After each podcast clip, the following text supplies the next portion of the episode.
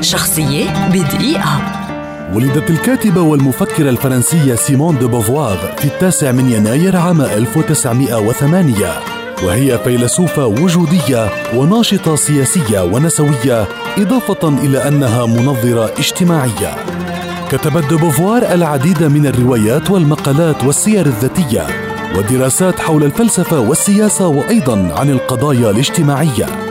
اشتهرت سيمون دو بوفوار برواياتها والتي من ضمنها المدعوة والمثقفون التي نشرت عام 1954 بعد نهاية الحرب العالمية الثانية والتي بفضلها حازت على الجائزة الأدبية الأعلى في فرنسا جائزة غونكور اشتهرت دو بوفوار كذلك بكتابها الجنس الآخر الذي كان عبارة عن تحليل مفصل حول اضطهاد المرأة وبمثابة نص تأسيسي للنسوية المعاصرة.